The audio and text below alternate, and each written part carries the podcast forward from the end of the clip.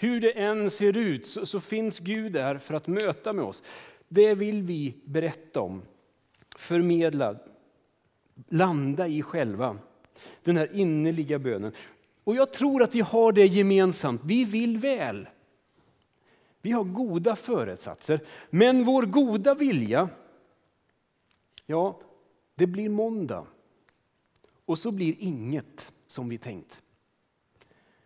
Våra goda föresatser, vår goda vilja krockar med vardagsverkligheten. Och den där krocken är ganska brutal emellanåt, en riktig frontalkrock. Bibeln är samtidigt realistisk och talar om att livet är komplext.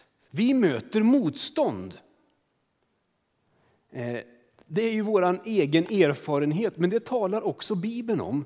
Att livet är komplext och vi möter motstånd. Och idag så är det en bibeltext som vi läser. Vi hörde den första versen alldeles nyss. Vi ska strax läsa fortsättningen. En text i avslutningen på Efesierbrevet som talar om att det finns ett motstånd som vi har att förhålla oss till, att kämpa mot. Men det finns också sätt att hantera de där tacklingarna i vardagen. Det finns någonting, en rustning som vi kan, alltså vi kan rusta oss för att kunna hantera det där motståndet. Och det finns en kraft vi kan öppna oss för. Om detta vill jag läsa för er och om detta så skulle jag också vilja säga några ord. Så från Efesiebrevet kapitel 6. Och jag tänker att vi står upp och lyssnar till Guds ord till oss den här förmiddagen. Till sist, skriver Paulus, och det här är bland det sista han skriver, bland det sista vi läser från Efesiebrevet den här hösten. Lyssna, till sist, bli starka i Herren och i hans väldiga kraft. Ta på er hela Guds vapenrustning så att ni kan stå emot djävulens listiga angrepp. Vi kämpar inte mot kött och blod utan mot förstarna, mot makterna, mot världshärskarna här i mörkret och mot ondskans andemakter i himlarymderna. Ta därför på er hela Guds vapenrustning så att ni kan stå emot på den onda dagen och stå upprätta när ni fullgjort allt. Stå alltså fasta med sanningen som bälte runt höfterna klädda i rättfärdighetens pansar. Bär som skor på era fötter den beredskap som fridens evangelium ger. Ta dessutom trons sköld, med den kan ni släcka den ondes alla brinnande pilar. Ta emot frälsningens hjälm och andens svärd som är Guds ord och gör detta under ständig bön och åkallan och be alltid i anden. Så lyder Guds ord till oss den här morgonen. Varsågoda och sitt.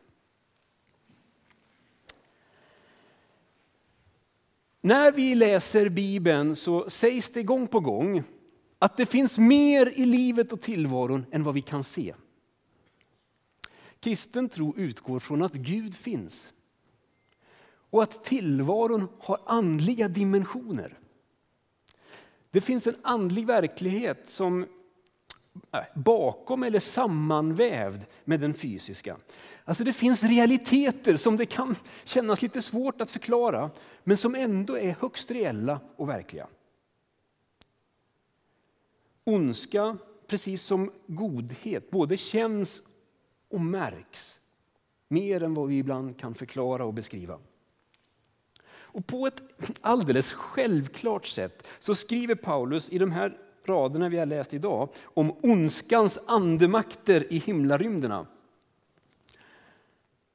Det där är något som jag tror att många av oss har lite svårt att ta till oss i vår sekulariserade del av världen.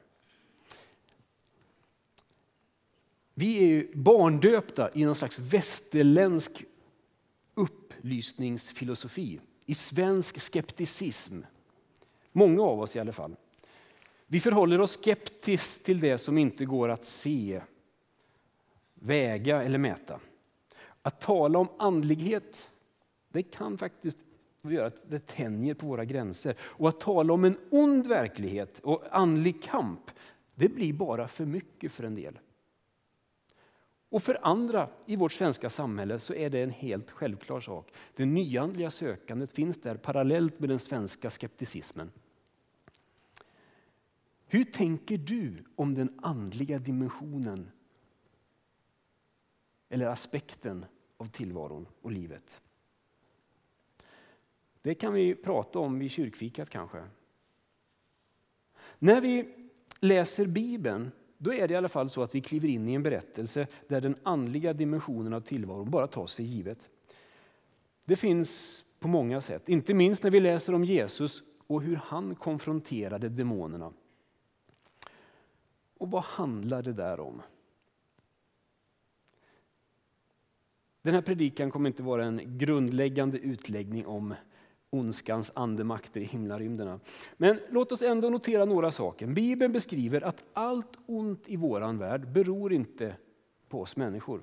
Det finns destruktiva krafter som påverkar oss. Och I den text vi har läst idag så står det att vi är utsatta för lömska angrepp eller listiga angrepp. Det finns en lurighet i det här.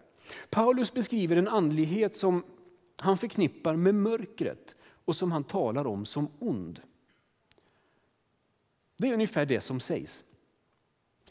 När man läser Bibeln så måste vi också, det är värt att notera, att Bibeln talar om detta, om djävulen och ondskan, mest i förbifarten. Vi ges aldrig någon systematisk undervisning om ondskans andemakter i himlarymderna. Och den slutsats vi nog kan dra av det, tänker jag, det är att vi bör akta oss för att förledas att säga mer än vad vi kan. Det är bättre att fokusera på det som Bibeln faktiskt fokuserar. Nämligen hur vi som människor kan rustas för att kunna stå raka mitt i en värld som på många sätt inte är fördelaktig. Så. Och Det här det är ju precis det som Paulus har som sitt ärende i den text vi läser. Paulus vill visa oss hur vi kan klara av att ta oss igenom vardagen, de tacklingar som kommer förr eller senare. Hur vi kan stå upp och stå raka. Motståndet som vi möter det är på många sätt starkare än vad vi kan rå på på egen hand. Men vi är inte utlämnade. Jag vill säga det, du är inte utlämnad åt dig själv.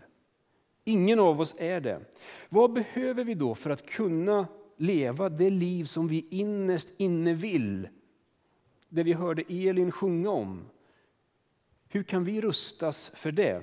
Ja, det Paulus säger det är ju, ta på er Guds rustning så att ni kan stå emot på den onda dagen. Och så tar han ju en bild från sin samtid. Det här var ju något som folk kände till. Romerska soldater fanns ju både till höger och vänster i det ockuperade Israel. Och så tar han det här som en bild och säger att vi har en god kamp att strida. Ta på dig sanningen som bälte.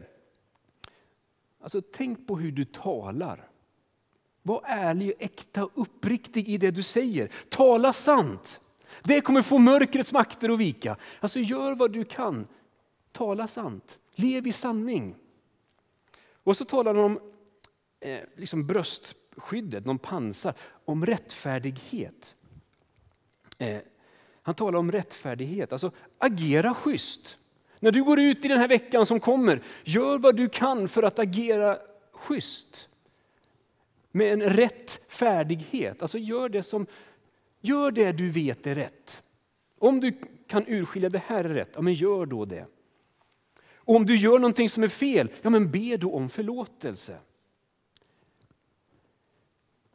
Och så talar han om någon slags villighet att gå ut med budskapet om fred. Det är skor att ta på fötterna. Att gå och göra vad? Och förmedla budskapet om fred och frid. Det här budskapet om att vi är oändligt älskade av Gud och han är den som förlåter oss. Vi är förlåtna, jag är förlåten och jag uppmanas att också förlåta andra. Håll inte inne med det. Var villiga att ta steg in i det och, förmedla frid och fred. Ta emot det från Gud och ge det vidare. Så bryts ondskans makt i vår värld. Med sanning, med rättfärdighet, med frid och fred från Gud. Och så talar Paulus om att hålla fast vid vår tro. I mötet med de utmaningarna som vi möter i vardagen behöver vi Guds hjälp och beskydd. Och den som skyddar oss är Jesus.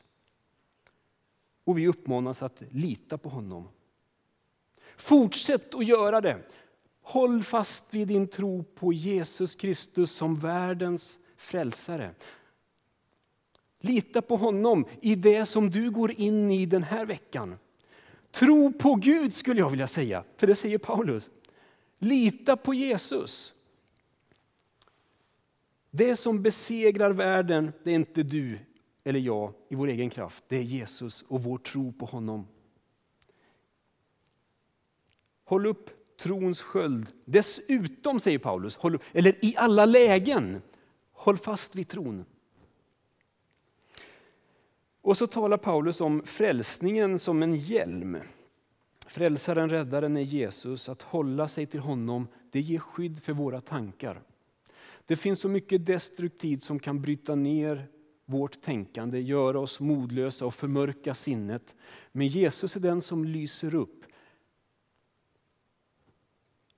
Frälsningen i honom, i hans död och uppståndelse kan ge våra tankar skydd.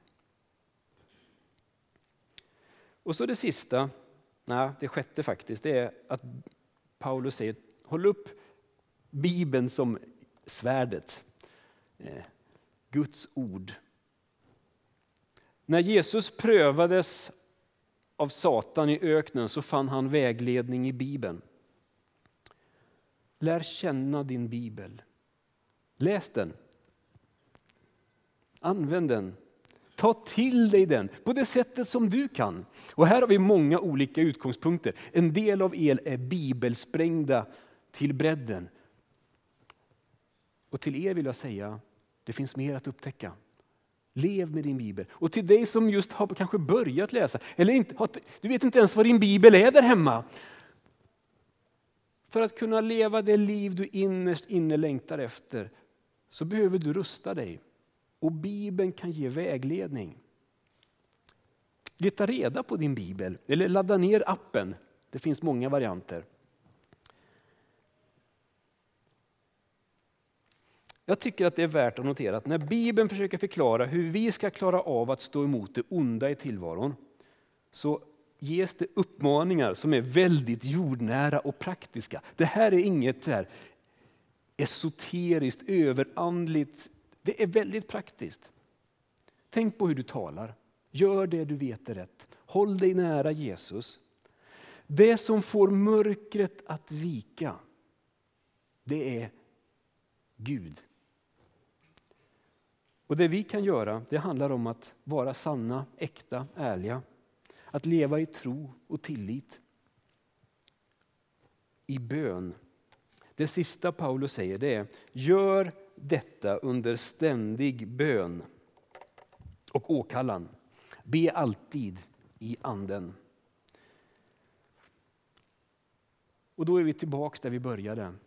Hämta nu styrka hos Herren av hans oerhörda kraft. Kanske att det här är en hälsning till någon som känner att du för en väldigt ojämn kamp mot mörkret. Din vardag, jag vet inte vad det handlar om, men hälsningen från himlen idag är att det finns kraft att hämta. Det finns en Gud som vill styrka oss i det som ibland är vår svajiga färd genom livet. Hämta nu styrka hos Herren, en inbjudan från Gud att komma till honom och ta emot av hans oerhörda kraft. Folkbibeln har en liten annan översättning av den här grekiska texten och säger bli starka i Herren. Alltså att vara med Jesus i hans närhet, det styrker själen. Det gör oss starka. Bli starka i Herren. Hur hämtar vi styrka hos Herren? Jo, vi är med honom. Kämpa inte i egen kraft. Paulus skriver på ett annat ställe till Timoteus, sin medarbetare, och säger Mitt kära barn, hämta styrka hos Jesus. Och till församlingen i Efesos, till hela gänget skriver han, hämta nu styrka hos Herren. Hur hämtar vi styrka hos Jesus? Ja, men det handlar om att vara med honom i hans närhet. Det handlar om bön, om lovsång. På egen hand, i den personliga andakten eller men också i gudstjänsten. När vi samlas i Jesu namn, och lovsjunger honom och ber, då är det en plats där vi kan hämta kraft och styrka. Kristen andlighet handlar om att förenas med Jesus och hans intressen i vår värld. Kristen andlighet handlar om att uppfyllas av den helige Ande. Kristen andlighet handlar om att koppla upp oss mot trons djupa mysterium, att Gud är nära. Kom till mig, sa Jesus, så ska jag skänka er vila. Kom till mig så ska jag skänka er frid. Kom till mig så ska jag skänka dig kraft. Så på vår väg genom livet så samlas vi till gudstjänst för att vi behöver möta Jesus. Bli styrkta i hans närhet. Lyssna till honom och rustas för det som är vår färd och vårt liv. Paulus har talat om mycket i Efesierbrevet. Och vilka vi är i Kristus, vad hans tanke med oss och världen är, hur han kallar på oss i kärlek och hur vi sänds ut att leva i den här världen för hans rike och hans viljas skull. Och så talar han om hur vi kan rustas och hur vi kan hämta kraft.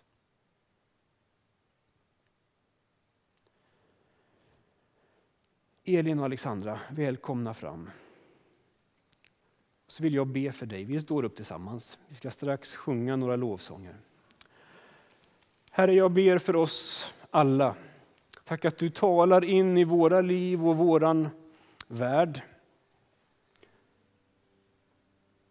Du vet allt, hur vi vacklar och faller, men hur vi vill och längtar att våra liv skulle få spegla dig och att din godhet skulle få genomsyra vår stad, våra relationer,